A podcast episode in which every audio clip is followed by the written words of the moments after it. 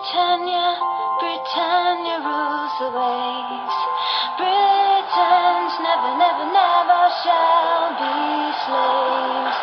Oh, Britannia, Britannia rules the waves.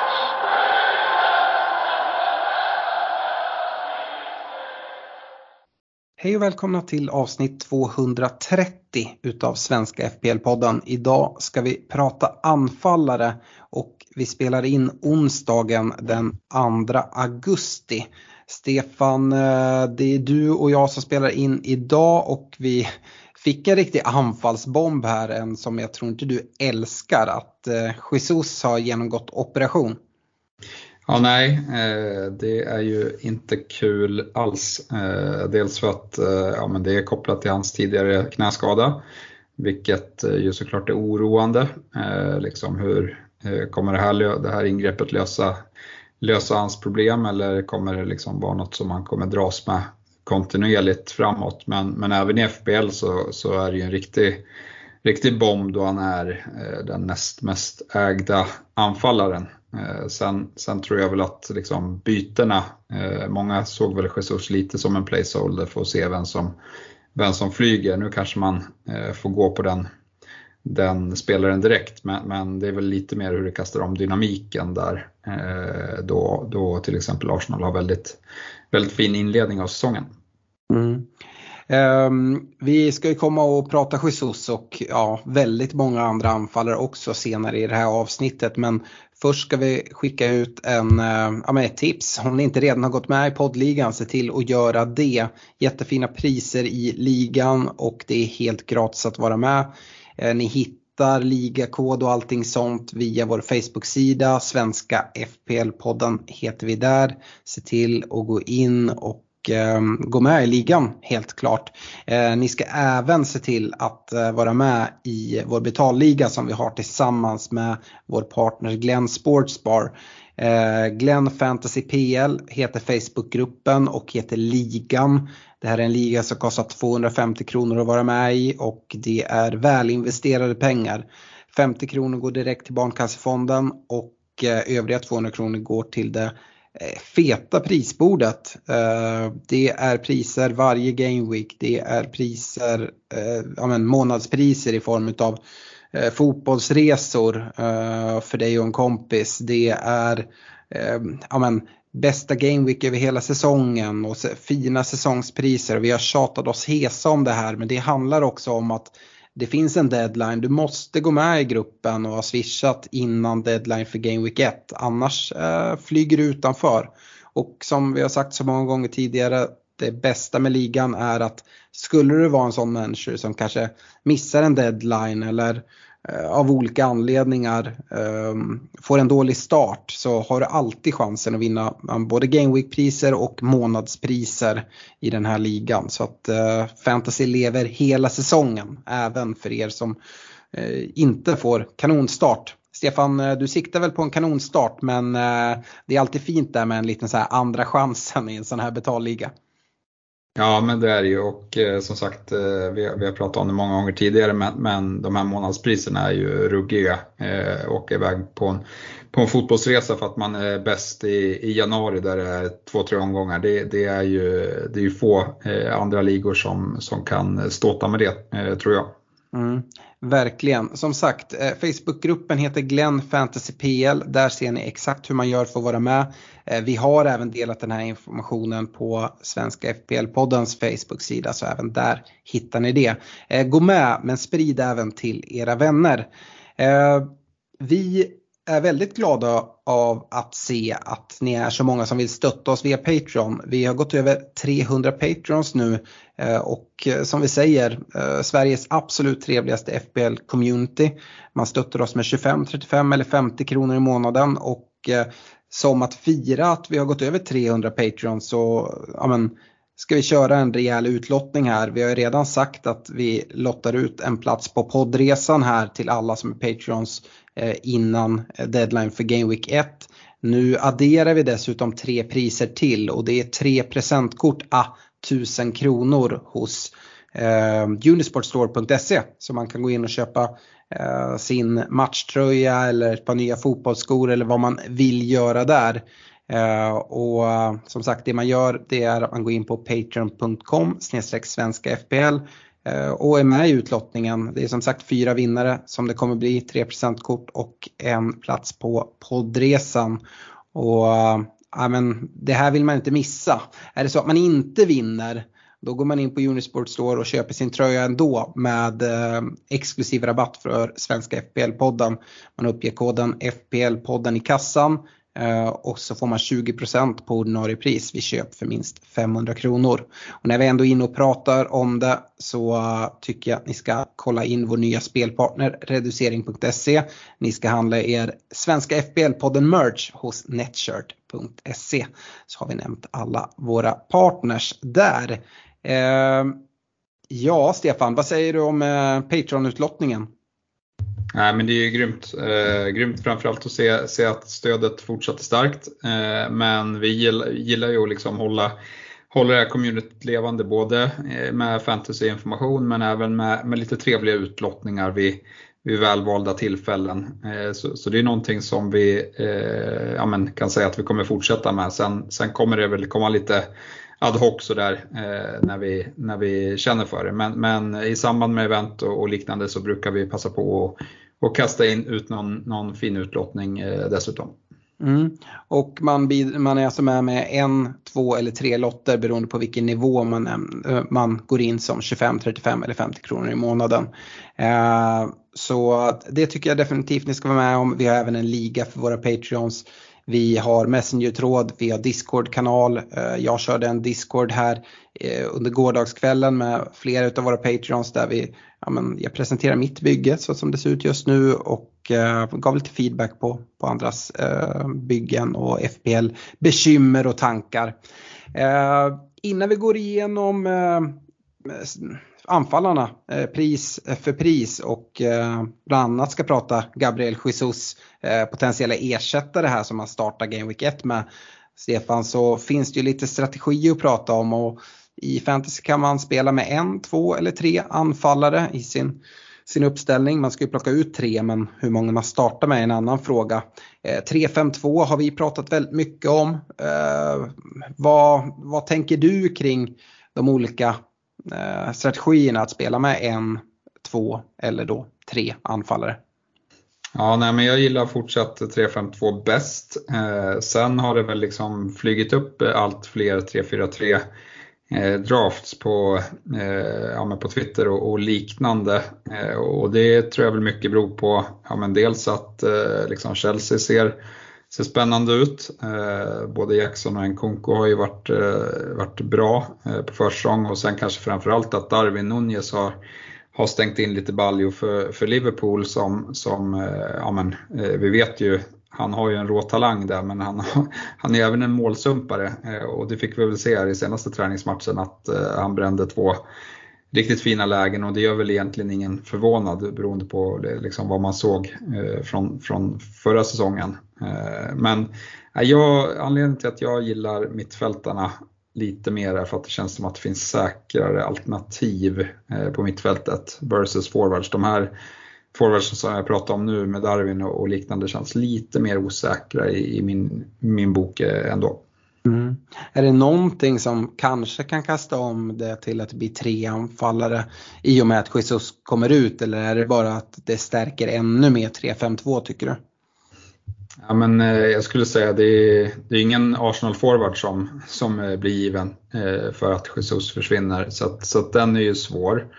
Eh, så det minskar ju egentligen bara eh, antalet tillgängliga forwards och peta in i den där 4-3-3an. Eh, Så nej, det är väl mittfältet som, som kanske gynnas. Eh, jag tror väl till exempel att en sån som Trossard eh, skulle kunna få ännu mer speltid nu när Jesus är borta. Och, Martinellis speltid borde också öka. Eh, sen om det är bra för deras output, eh, som till exempel om Enketia spelar forward såg vi att Martinelli hade ganska tufft att leverera förra säsongen när, när, när det var fallet. Och så, så, där är det lite mer osäkert vad som händer. Men, men eh, nej, eh, jag tror att det svingar lite, lite mer till, eh, till 3-5-2. Mm. Eh, vi pratar ju mest om två, tre anfallare. Den stora anledningen varför jag inte gillar en exempelvis 4-5-1 är ju för att ja, men, första platsen den, den går ju till Håland. Det, det, det, bör den ju göra eh, skulle jag säga. Men eh, sen så går man ner då och ska ha billiga spelare och så går det på 2 4,5 forward som, som inte ens får starta. Eh, är det så att Håland är borta någon match, vilas, roteras eller det blir någon skada på honom.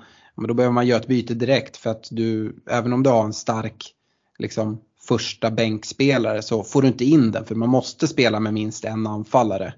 Uh, är det också en av anledningarna till varför du inte ens bemödar att nämna uh, spel med en anfallare? Hiring for your small business? If you're not looking for professionals on LinkedIn, you're looking in the wrong place. That's like looking for your car keys in a fish tank. LinkedIn helps you hire professionals you can't find anywhere else, even those who aren't actively searching for a new job but might be open to the perfect role. In a given month, over 70% of LinkedIn users don't even visit other leading job sites. So start looking in the right place. With LinkedIn, you can hire professionals like a professional. Post your free job on linkedin.com slash people today. Ja, nej, men det känns som att man blir väldigt eh, begränsad från början eh, med att två icke-spelande eh, spelare. Eh, för ja, men vi vet att det händer saker och, och eh, sitta med, med så tunn bänk känns, eh, känns inte optimalt. Mm, nej. Eh, vi hoppar in i anfallsgenomgången och eh, börjar som vanligt liksom uppifrån och ner prismässigt och då jag känner inte att vi behöver stanna där superlänge Stefan men vi måste ju prata eh, en, en viss norrman på topp som eh, FBL har valt att prisa 14,0 den här säsongen i Håland.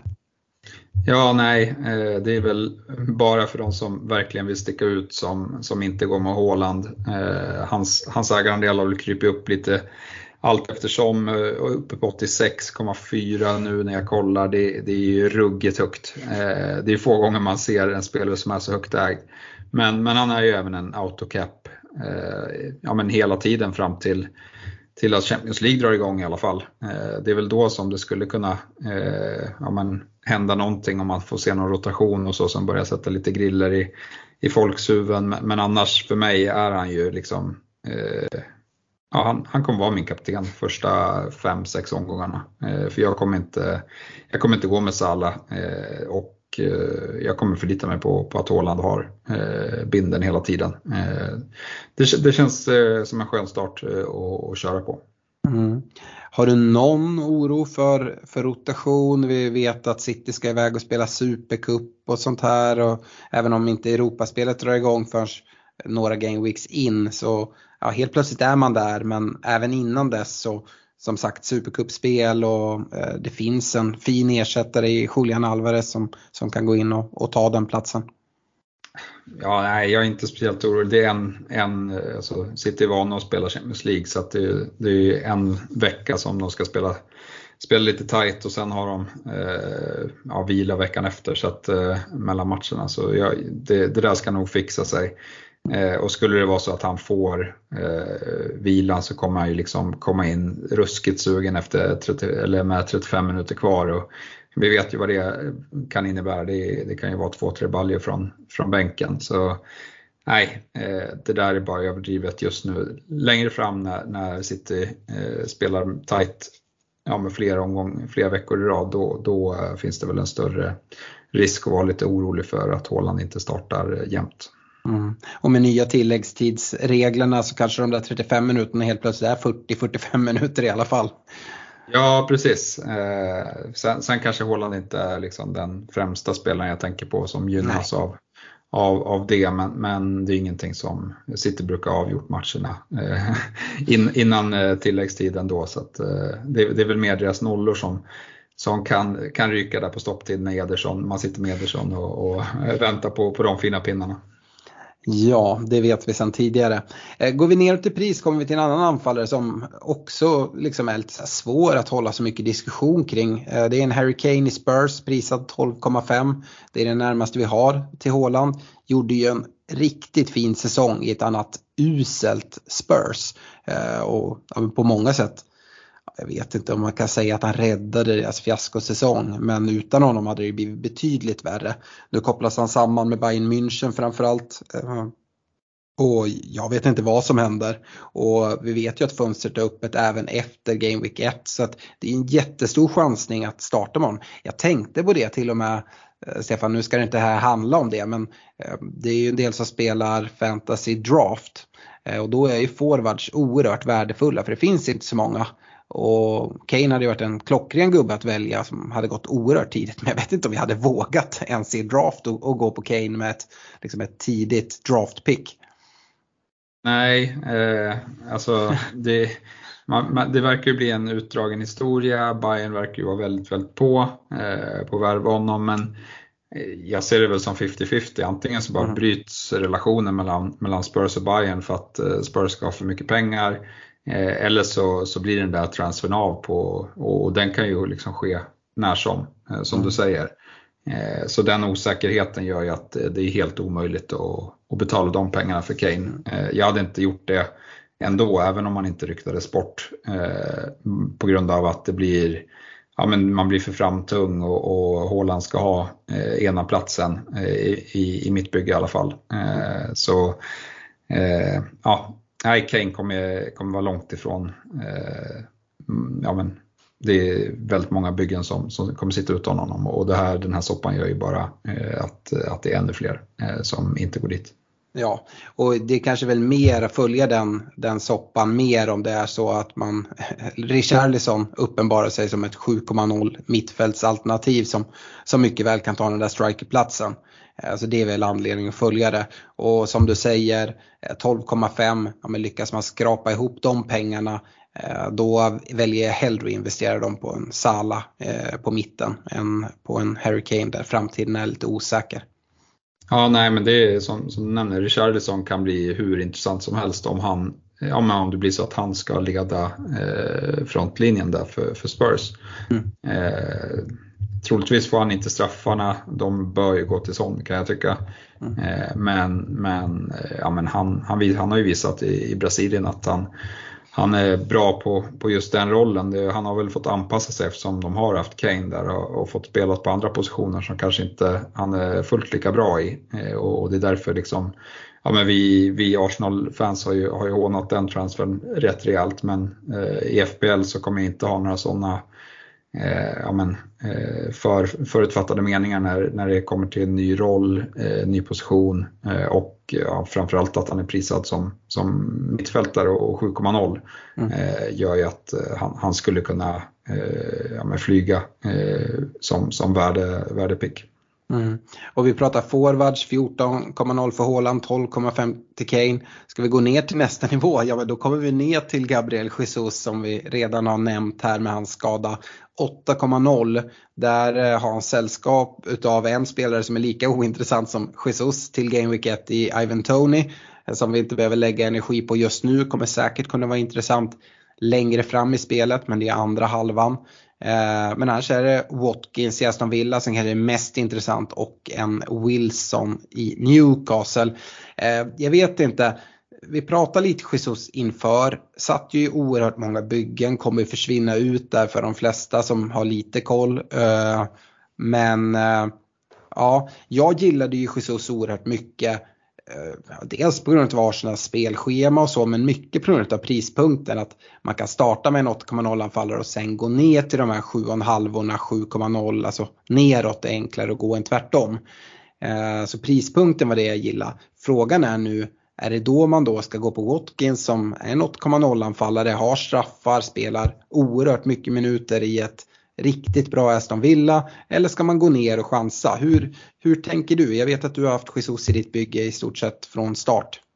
Ja, det, det är lite så här nyhetens behag eftersom vi spelar in när vi gör och fick besked här för, ja, men för en halvtimme sedan att Jesus är out från, från premiären. Han blir borta minst eh, tre veckor, säger initiala eh, rapporterna. Eh, jag vet inte, jag tror att eh, som jag tänker här och nu så är det nog att jag går på eh, en Kunko direkt som var liksom någon som jag helst hade velat kollat på. Eh, mm.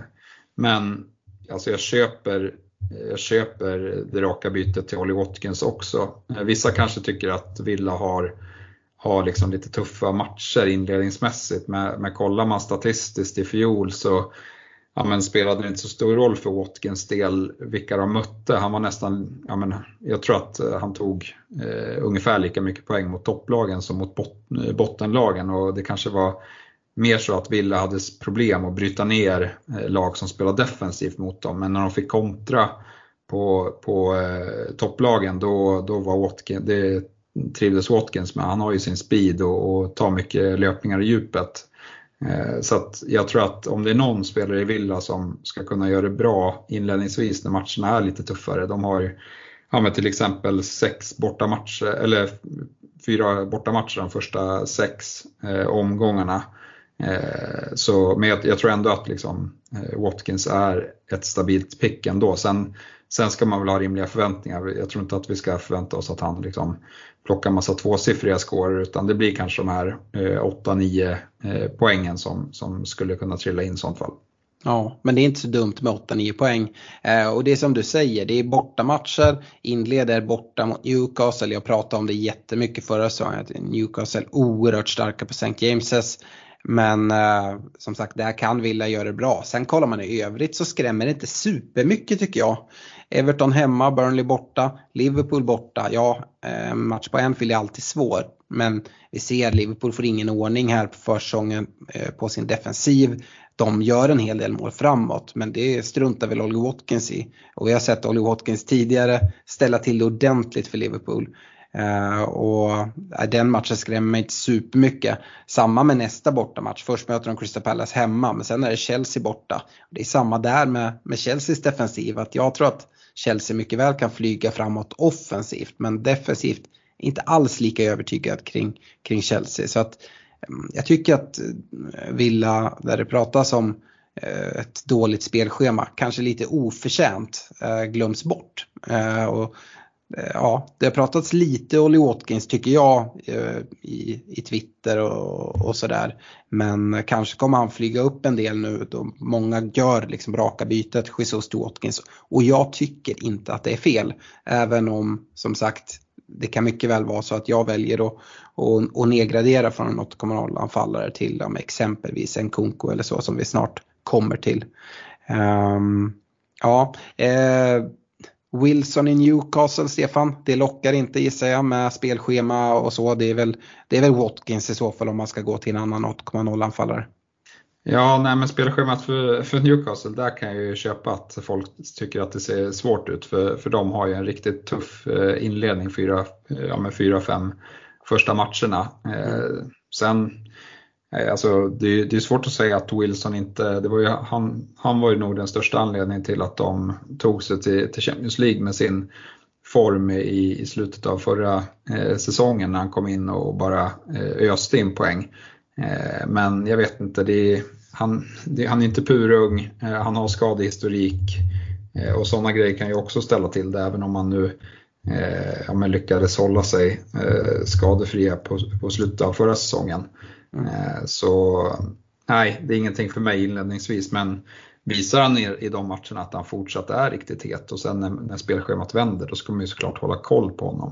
Mm. För om, ja men, eh, ser vi på, på förra säsongen så var ju han mer intressant än Isak när, när Isak fick spela vänsterytter. Eh, han har ju dessutom straffarna så att Eh, jag tycker att det är definitivt någon som ska, ska stå med där på watchlisten i, i väntan på bättre spelschema, men ingen gubbe för, för Game Week 1 för mig. Nej, och du nämner ju Isak, det blir ett perfekt, en perfekt eh, segway över till 7,5 nivån som Isak är, är prisad i. Isak är kanske inte den 7,5 mittfältare som pratas allra mest om, men eh, ja, jag tycker samma där, det är lite wait and see, se hur Eh, hur Newcastle kommer, kommer att, formera sig. Eh, är det så att Wilson fortsatt är tilltänkt liksom första val och Isak lite får petas ut på en kant eller ska de spela tillsammans i ett tvåmannaanfall eller är det så att Isak får starta som, som liksom prima punta och nia eh, i, i, många, i fler matcher eh, den här säsongen. Eh, ja, det återstår att se och han kan mycket väl vara, vara av intresse längre fram men inte till Game Week 1 för, för egen del. Eh, utan då blickar jag hellre mot, eh, du har nämnt Nkunku eh, och vi kan väl börja där i Chelsea eh, och då tycker jag även vi kan väva in eh, Jackson som är prisad 7,0 för han har fått mycket kärlek eh, här runt om efter en, en stark försäsong. Eh, men ja, 0,5 dyrare får du en, en Kunko som inte kanske spelar eh, tydlig nia speciellt ofta utan snarare släpande bakom eller som nu på försäsongen har använts mycket ute på vänsterkanten dessutom i en lite, lite fri roll. Eh, och eh, det finns väl stor möjlighet att en Kunko har straffarna och det tycker jag är värt att eh, liksom lägga till de där 0,5 från Jackson eh, för och dessutom se en men klarare och tydligare startplats för en Kunko och en Jackson. Uh, vi har hot i befintlig trupp i en, en Brocha som, som ska tas tillbaka i uh, liksom full match uh, fitness. Men det ryktas ju även om exempelvis en Vlahovic från, från Juventus och då är det ju på Jacksons bekostnad tänker jag. Hur tänker du Stefan? Ja men verkligen, jag, jag tycker Jackson har imponerat mycket på försäsongen av det, de klippen jag har sett. Eh, verkar vara en ganska bra targetspelare, få, få uppspel på sig, knacka tillbaka på, på mittfältare som kommer i, i fart eh, och det är väl så han har fått eh, en del assist framförallt. Eh, men som du säger, Nkunku är ju deras stjärnvärvning här som, som mycket kommer bygga kring eh, offensivt eh, och eh, vi har väl inte fått bekräftat att han har straffarna men men har han dem då faller ju eh, liksom valet över redan där eh, skulle jag säga. Och, och sen verkar det ju vara långt gångna eh, diskussioner mellan, eh, mellan om, om Vlahovic med, ja, eh, det är väl en, en swap till vad jag har hört mellan med Vlahovic åt ena hållet och, och eh, eh Lukaku. Lukaku ja, mm. åt, åt andra hållet. Eh, så får vi se om, om det blir av, men, men Vlahovic, om han kommer till Chelsea ska ju han eh, spela från start. Eh, det är jag rätt övertygad om. Mm. Eh, så att, eh, nej, Nkunku är, mitt val i, Chelsea eh, och får vi bekräftelse på att han har straffarna, då tycker jag bara att det är dumt att, att gå på Jackson även om han har sett fin ut. Mm. Som sagt spelar vi in det här avsnittet onsdagen den 2 augusti. Det är möjligt att Vlahovic kanske redan är klar. Eh, Stefan om Vlahovic kommer in, vad tror vi prissättning? 8,0, eh, är det rimligt att tro på en, på en Vlahovic? Ja, men det är väl ganska rimligt. Det finns ju, finns ju ett gäng eh, gubbar där. De har inte mm. velat gått högre. Eh, så att, jag vet inte, han, han var ju ett, han har gjort det bra i Italien så han är väl inte proven i, Premier League. Och, ja, men han går in mot gubbar som, som har levererat här. Så att, nej, 8,0 skulle absolut kunna vara en gissning. Eh, skulle han hamna högre så är det inte mycket högre, då är det väl liksom 8-5 någonting sånt. Ja, och när vi nu är så nära deadline till Game Week 1 skulle jag säga det att blir Vlahovic klar här så är inte det, min, där går en stor varningsflagg ut. Även om man då är tilltänkt som start 9 i Chelsea så eh, har jag svårt att se att han ska gå in i, redan i Game Week 1 mot, mot Liverpool. Utan då Jackson som har gjort det bra, men han ska väl säkert kunna starta Game Week 1 och kanske få några, några matcher eh, i benen innan Vlahovic har kommit in i, i, i truppen och sådär. Det är väl min gissning. Så att då hade jag nog hållit mig borta både från Jackson och Vlahovic om den blir, blir kvar o, oavsett. Delar du mina tankar där? Ja absolut. Eh, sen vet jag inte om Vlahovic skulle vara, kunna vara en spelare som blandar sig in i någon någon straffdiskussion, det skulle ju kunna vara eh, negativt för, för en Kunko såklart. Mm. Jo, det tror jag. Blaovic eh, är ju en väldigt duktig eh, straffskytt. Ehm, när vi ändå är inne på sådana här eventuella värvningar men som är kanske ännu säkrare, det är väl Rasmus Höjlund till Manchester United.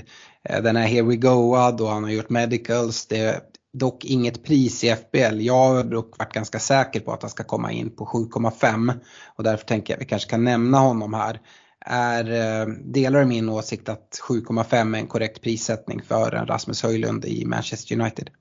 Jo, men det är det. Han, han, han hamnar i den kategorin där, där vi har, ja, men skulle kunna ha teoretiskt sett väldigt mycket värde fast det finns frågetecken på, på många spelare. Eh, och där tycker jag väl att Höjlund hör hemma eh, helt mm. korrekt eh, sånt fall. För att ja, men han, han är ju jättepotential, eh, men han är bara 20 år gammal och ja men du, du följer United mer än vad jag gör, men det känns ju inte som att hans liksom, att han kommer starta vecka efter vecka. Det känns snarare som att han kommer eh, användas mycket, eh, men, men inte hela tiden. Mm. Jag, jag, tror att han kommer starta väldigt många matcher som du är inne på. Eh, nästan så att man kan prata vecka, för, eh, alltså vecka efter vecka. Men det beror ju såklart på hur det går och det vet ju ingen. Eh, men är det så att han kommer in, eh, gör det bra så, så tror jag att tanken är att han kommer, kommer spela liksom som liksom first striker. Eh, och då kan han ju vara intressant men det, det är ingen jag på något sätt skulle vilja vika en United-plats till redan till Game Week 1 utan här är perfekt läge att, att vänta och se. Um, i, nu har vi pratat Nkunku, vi har pratat Höjlund, vi har pratat Jackson. Jag tänker, jag tänker framförallt kopplat till spelschemat också som United har med de här tuffa bortamatcherna mot, eh, mot Spurs och mot, eh, mot Arsenal för Höjlunds del. Mm. Att eh, ja, men ni har ju Rashford som, som ni har använt i, som, och liksom när, ni, när ni kanske förväntar er mer omställningsspel. Eh, och, och, det är väl där jag, liksom, min eh, farhåga ligger kring, kring Höjlund. Eh, och det bekräftar ju bara att så, men då, då startar jag inte med honom, då kollar jag om han får, får spela de matcherna från start eller inte och, och det borde vara en tydlig indikation på, på om han eh, är tilltänkt startspelare när, när spelschemat är enklare. Ja, och sen ska man väl säga det att Höjlund är en oerhört kvick spelare och uh, omställningsspel borde passa honom fantastiskt bra. Så att, uh, ja, vi får se, men jag tycker oavsett att det är en bra wait and see där. Uh, vi har ju nämnt alla 7,5 anfallare i stort sett, men uh, på Liverpool-sidan har vi två stycken, uh, både i Gakpo men kanske framförallt Darwin Nunez som har gjort en väldigt fin försäsong för Liverpool. Han har för det positiva FBL-mässigt tagit en tydlig plats som central nia och inte ute på vänsterkanten som vi såg en hel del under förra säsongen. Men eh, ja, det är ju den där offensiven i Liverpool. Det finns alternativ. Eh, Gakpo kan spela där, han, det är väl hans föredragna plats. Vi har en Sala som också kan spela där även fast det hotet kanske inte är superstort. Och Jota kan spela där även om han kanske föredrar att vara ute till vänster. Eh, jag tror att det är Gakko och, och Darwin som mest kommer få eh, ja, dela på, på tiden där. Men det är just eh, med betoning på dela på tiden. Och jag vet inte om jag vill betala 7,5 för en anfallare som, som får dela på tid i, i Liverpool. Eh, men Darwin, ja, jag förstår att folk lockas av det. Men vi såg även idag i matchen mot Bayern München då vi tror att Liverpool ställer upp med ja, men, mer eller mindre tilltänkt startuppställning och då helt plötsligt så sitter Darwin där på bänken. Uh, ja, Stefan, vad, vad, säger du om, uh, ja men kanske framförallt Darwin Nunez men du får även skjuta in tankar kring, kring Gakpo om du vill. When you're ready to pop the question, the last thing you want to do is second guess the ring. At BlueNile.com you can design a one-of-a-kind ring with the ease and convenience of shopping online. Choose your diamond and setting. When you find the one, you'll get it delivered right to your door. Go to Bluenile.com and use promo code LISTEN to get $50 off your purchase of $500 or more. That's code LISTEN at Bluenile.com for $50 off your purchase.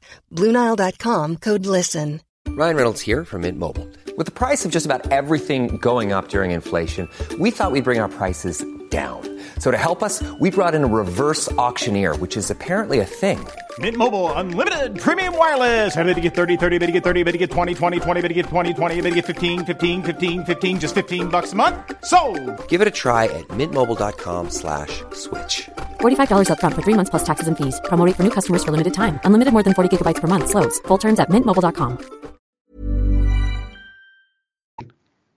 Ja, nej, men det, det, är klart man är sugen på Liverpools offensiv för man ser potentialen. Eh, och Eh, det kommer göras mycket mål i år, det är jag helt övertygad om. Men det är ju så svårt att hitta in. Eh, sen är ju Darwin en sån spelare som man även ser hur mycket råpotential det finns. Eh, han, han kommer ju någon gång få till det där, känns som.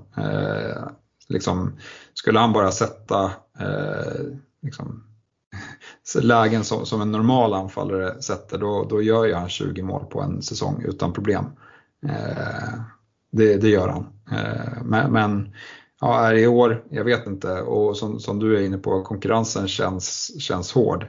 Sen, sen är ju frågan hur liksom, eh, dynamiken är där nu när de har värvat in lite kreativt på, på mittfältet. Om det kanske tiltar över att, eh, att Darwin får mer eh, speltid för, liksom, eh, för målskyttets skull och, och kanske Gakpo som eh, ja, men kanske var lite mer kreativ forward eh, så att, att eh, det inte behövs i samma utsträckning. Eh, någon, någon sån liksom, grej skulle jag ju kunna se i, i Liverpool men nej, jag, jag vågar inte heller chansa där. Mm. Det känns som att det är lite 50-50 vem, vem som startar i Gameweeket. Mm. Klopp gillar ju Gakpos pressspel oerhört mycket har jag förstått. Och eh, Eh, det får man inte riktigt av Darwin Nunez på samma sätt. Eh, men eh, å andra sidan under försäsong har vi sett Darwin Nunez länka ihop oerhört bra med Mohamed Salah. Och det borde ju vara någonting som även Klopp ser och värderar väldigt högt. Så ja, jag tycker det är lurigt. Det man det är oerhört hårt sagt men skulle önska FBL-mässigt det är ju att se en skada på på Gapco. Då tycker jag Darwin Nunez är ett utmärkt alternativ. Eh, och det kanske kommer vara under säsong där någon av dem går sönder och den andra blir ett utmärkt FPL-alternativ. Men så här i starten när båda är hela och vi inte riktigt har sett hur, hur Klopp tänker med rotationen. Då, då drar jag mig lite för att Jag, och, och, för att gå vidare med det så, så tänker jag ju då att eh, ja, men, blickar man ner från Jesus, för mig just nu så lutar det mest åt att gå mot en Kunko. Och det låter som att du också delar den, den tanken. Ja, en Kunko eller Watkins. Eh, det är ju frågan om de där 05 som man, som man frigör när man går till en Kunko, om de behövs i laget så att säga. Eh, det behövs väl alltid liksom lite mm. uppgraderingar men Ja, men det är kanske framförallt mittfältet som, som eh, man skulle vilja få till precis som man vill ha det. Eh, och eh, ja, men den, den största knäckfrågan för mig blir att jag kollar på Arsenals spelschema inledningsvis och jag vill ju sitta upptripplad. Mm. Men hur får man till det liksom? Det är, mm. det, är det, som, det är det som är kruxet. Och hur mycket vågar man chansa på på till exempel en Trossard, eh, att han, att han ska spela vecka ut vecka in eh, så länge Jesus är borta i alla fall. Mm. Eh, det, det, är väl där liksom, de nya frågetecknen ligger idag snarare än, än om man går på, på en Kunko eller, eller Watkins. Mm. Du pratar ju mycket om Trossard, har gjort en fin försäsong för Arsenal och jag vet att det är ett anfallsavsnitt men i och med det som har hänt Jesus så blir det ju intressant att prata Arsenal mittfältare också.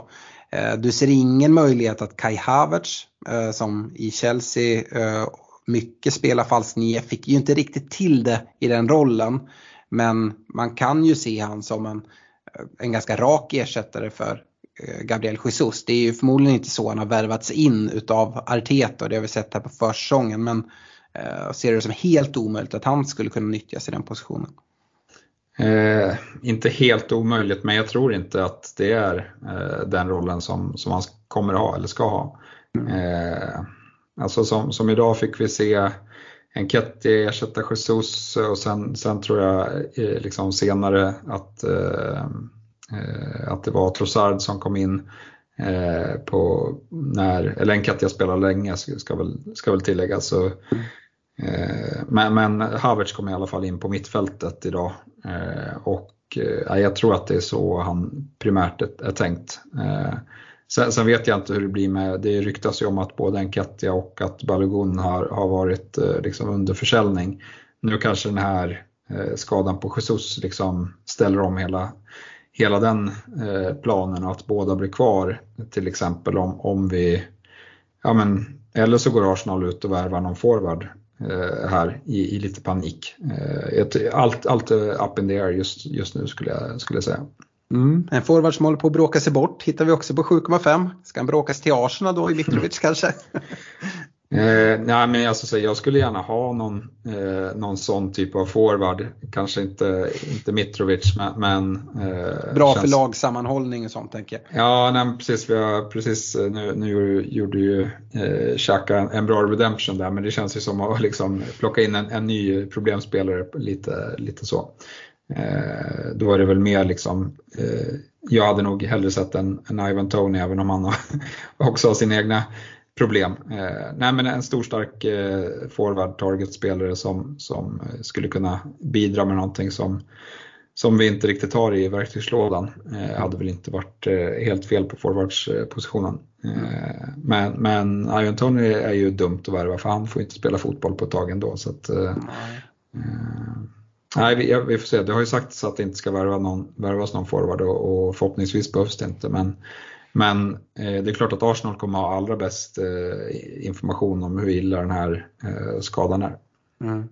Eh, Mitrovic nämnde jag där, han är ju prisad 7,5, gjorde det oerhört bra förra säsongen. Men vi får nästan räkna med att den är borta. Det har till och med värvats in Raúl Jiménez från, från Wolves och Mitro bråkar sig bort, vill väl till Saudi som det verkar, precis som ja, ja, halva fotbollsvärlden just nu känns det som. Eh, det är inte så många som äger honom och med, med rätta, men där håller man sig borta. Ja. Eh, hoppa ner, vi har redan pratat Jackson på 7,0. Lukaku är också prisad 7,0 men går in ungefär under samma segment som Mitrovic. Eh, 6,5 nivån däremot, eh, där har vi en spelare som, som jag pratade upp en del förra säsongen i, i Solanke i Bournemouth. Eh, jag, Eh, jag tror att Bournemouth kan göra en ganska bra säsong i år. Ehm, men eh, sett till vad det finns för liksom alternativ däromkring för, för liksom en miljon mer, gå på en Kunko. Ja, nej, jag hade, jag hade liksom inte gått ner sådär utan jag vill, jag vill nog gå där 8,0, 7,5 på min anfallare som ska starta bredvid, bredvid Håland. Ehm, det är i alla fall min tanke. Eh, annars har vi en Julian Alvarez i City som jag vet en del är lite sugna och liksom ja, men, attackera Citys offensiv med. Men då gillar jag mer att gå på mittfältarna. Vi har en evigt skadad Martial som hoppar omkring på kryckor titt som tätt och med en Höjlund in. Känns också sådär. En gubbe som jag pratade, pratade upp mycket var Aoni i eh, Forest eh, förra året. Tycker han gjorde det bra. Men lite samma som Solanke. Jag tror att han kan fortsätta göra det bra i Forest. Men du kan få en Chelsea-anfallare i en Kunko för 7,5 exempelvis. Hur ser du på 6,5 eh, nivån på, på anfallarna i år? Ja, men det är väl framförallt Julian Alvarez som, som kan bli intressant under säsong. Eh, jag tror inte att, att det är någon bra gubbe att gå på eh, inledningsvis. Det verkar ju som att De Bruyne, han har varit på bänken några gånger här man har sett träningsbilder på honom. Han ser inte speciellt skadad ut, eh, tränar fullt med, med laget vad det verkar. Så att eh, vi får nog se i Community Shield hur, hur hans eh, status är och om han är liksom tillbaka och redo för 45 minuter eller liknande, då, då är ju, eh, ska det mycket till för att Alvarez ska, ja, men ska få mycket speltid här eh, inledningsvis tror jag. Mm. Eh, och sen är jag inne på samma spår som du, att jag ja, för det första inte kollar svin mycket på den här eh, kategorin, men, men steget upp till de här 7,5 anfallarna är ju för, för litet för att gå på någon någon gubbe här nere utan då vill man hitta någon sån, sånt fall eh, som, som är ännu billigare och jag tycker ju att prissegmentet precis under, eh, där skulle det kunna finnas, eh, finnas fynd faktiskt. Mm, jag håller med. Eh, gällande Alvarez så är det ju som du säger kan ju spela en väldigt stor roll en säsong. Säg att Håland går sönder, ja men då är det nästan läge att dra ett dra ett wildcard bara för att liksom bygga om hela laget. Eh, ersätta Håland med Alvarez och sen så nyttja pengarna och då är det inga problem att få in en, en Sala på mitten och i stort sett exakt vilka gubbar man vill. Um, så att äh, det, Alvarez gillar han oerhört mycket som spelare. Och skulle han spela i någon annan klubb än, City där han hade givna minuter eller få givna minuter i City, ja men då är det ju ett kanonalternativ och ett värde på 6,5. Men jag ser inte att så är fallet. Han kommer få sina minuter, absolut, men inte på de, de nivåer som, som jag önskar.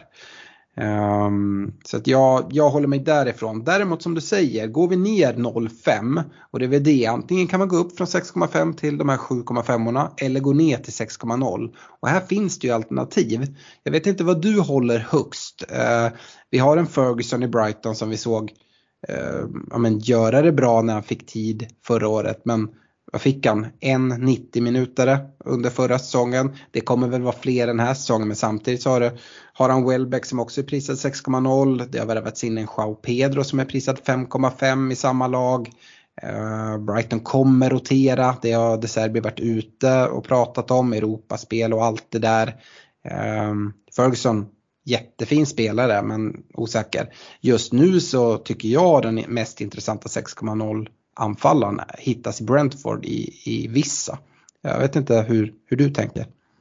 Jo, nej men Ferguson är man intresserad av såklart för att eh, han är ung och har, eh, har bra potential. Men, men man blir ju såklart livrädd när, när Manchen säger att det kommer bli mycket rotation i år. Eh, då, då liksom eh, slår det ju, skrämmer det slag. Och, ja, men jag tycker det finns bra spelare där så att jag tror att han kommer fortsätta matcha sin ja, men liksom planenligt, eh, vilket troligtvis kommer vara mer än i fjol, men, men inte liksom eh, starta varje, varje match. Eh, och Det kan ju vara bra inledningsvis om han flyger såklart, de har ju jättefina fina matcher, men eh, nej, jag, jag, det, det, är lite som en, en lotteribiljett eh, igen, att eh, det kan bli bra, men, men det, det, finns väldigt mycket frågetecken kring honom. Eh, någon att hålla koll på, absolut.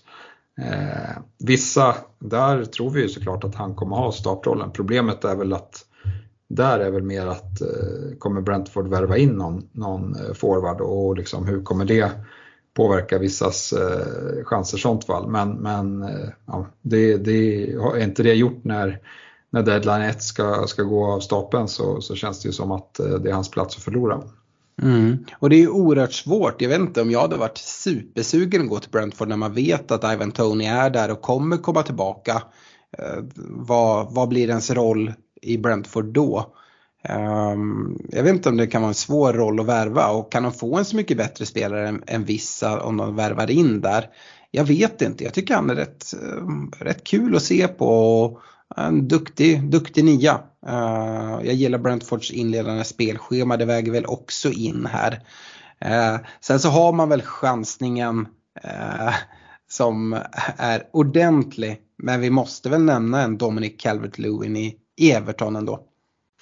Ja, det, det, måste vi väl. Men, men, det känns ju som att hans skadeproblematik är ju liksom ja, det, det är ju den värsta vi pratar om. Om vi säger att någon har problem med skador. Han, han har ju knappt kommit upp i tusen minuter de två senaste säsongerna. Eh, men innan det så har han ju bevisat att han, att han är ett, eh, en bra forward. Eh, så det är klart att han ska nämnas men, men det är också, det känns som att det är verkligen för de, för de våghalsiga. Dock så vet man ju ofta att om, om spelaren är frisk eller inte när, när Game Week 1 startar igång.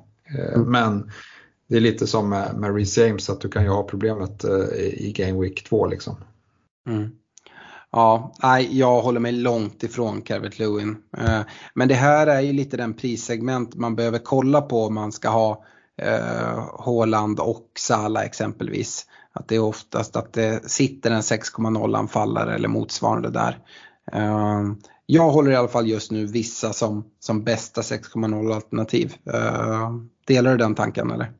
Ja, det är eh, Kliver vi neråt, eh, det är ju svårt att hitta spelare som man superälskar när man kommer ner här under 6,0.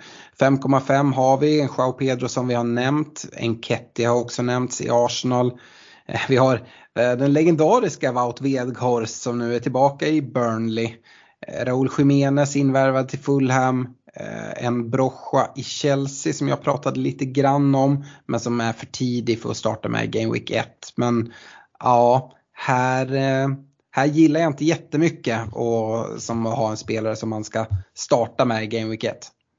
Nej, det är ju inte det. Eh, men, men liksom, jag tänker Mitrovic där, om han verkligen bråkar sig bort så Känns det som, kommer Fulham gå in i, i säsong med Vinicius och Jiménez som forwardspar, då kommer ju någon av dem ska etablera sig. Så där, där kommer det nog bli ett riktigt eh, budgetalternativ eh, i alla fall. Sen får vi se, Fulham känns inte speciellt starka så här eh, inledningsvis i år. Så att vi får se vad de kan, kan komma upp med. Det känns som att de kommer vara absolut med i, i bottenstriden i år. är, väl, är väl en Ja, men min uppfattning i alla fall. Mm. Eh, ja. ja. vi kan ju väga in eh, när vi pratar Jiménez och eh, Fulham även Vinicius som är prisad 0,5 billigare, alltså 5,0. Jag tyckte han gjorde det bra under förra säsongen när han fick, fick spela. Eh, men som sagt, om man värvar in Jiménez kommer de spela med två anfallare. Ja, jag vet inte. Eh, och jag tycker det är lite tråkigt att se. Eh, vi lärde oss ju alla FBL-människor att älska eh, Raúl Jiménez i Wolves innan han fick den där otäcka huvudskadan. Men jag tycker inte han har gått att känna igen sen efter det. Jag vet inte om man kan få en ny start i fulla men eh, det är inte en de gjorde det bra förra säsongen eh, men tror att de kommer få det tufft i år. Eh, och, nej, jag, jag gillar inte den här prisklassen av forwards utan eh, som sagt, jag vill, vill ha en dyrare forward om jag ska spela dem. Så att jag, jag har ganska lite positivt att säga. Vi kan väl väga in här också att det finns eh, i 5,5 nivån även en Ondavi i Brighton. Eh, men där är det ju liksom tjockt om, om platserna så att eh, nej, jag, jag håller mig helt borta från, från de här prisnivåerna och det kommer, kan ju även sägas när vi som sagt glider in i 5,0 nivån där jag nämner Vinicius som jag kanske tycker är ja, men det bästa alternativet utav de 5,0 alternativ som är. Men när ni har hört min utläggning så hör ni att det, jag inte lägger det jättehögt upp på, eh, på min lista i alla fall. Nej, men att etablerar han sig så, så kanske det öppnar upp för lite andra formationsval eh, eh och liknande. Vi pratade ju 4-5-1 till exempel i början om man kan ha en, en Vinicius på bänken för 5,0 eh, där så, så, som, som en startspelare så ja, men, är det i alla fall någonting att, att ha och ta med sig. Mm. För, för letar man sig neråt sen på 4,5 nivån där många sitter med sin tredje anfallare då är, har vi väldigt lite att hitta. Eh, vi har ju eh, Balogun Balogan i Arsenal som gjorde det oerhört bra i ligan. Men eh, Stefan, det spelar väl ingen roll att Jesus är skadad. Eh, jag vet inte, det har ryktats en del om försäljningar och sånt. Eh, vad är senast om Balogan? Nej, det är väl oklart vem, det, det kändes som att en forward skulle säljas och det var väl oklart om det var Enketti eller om det var Balogun som skulle bort.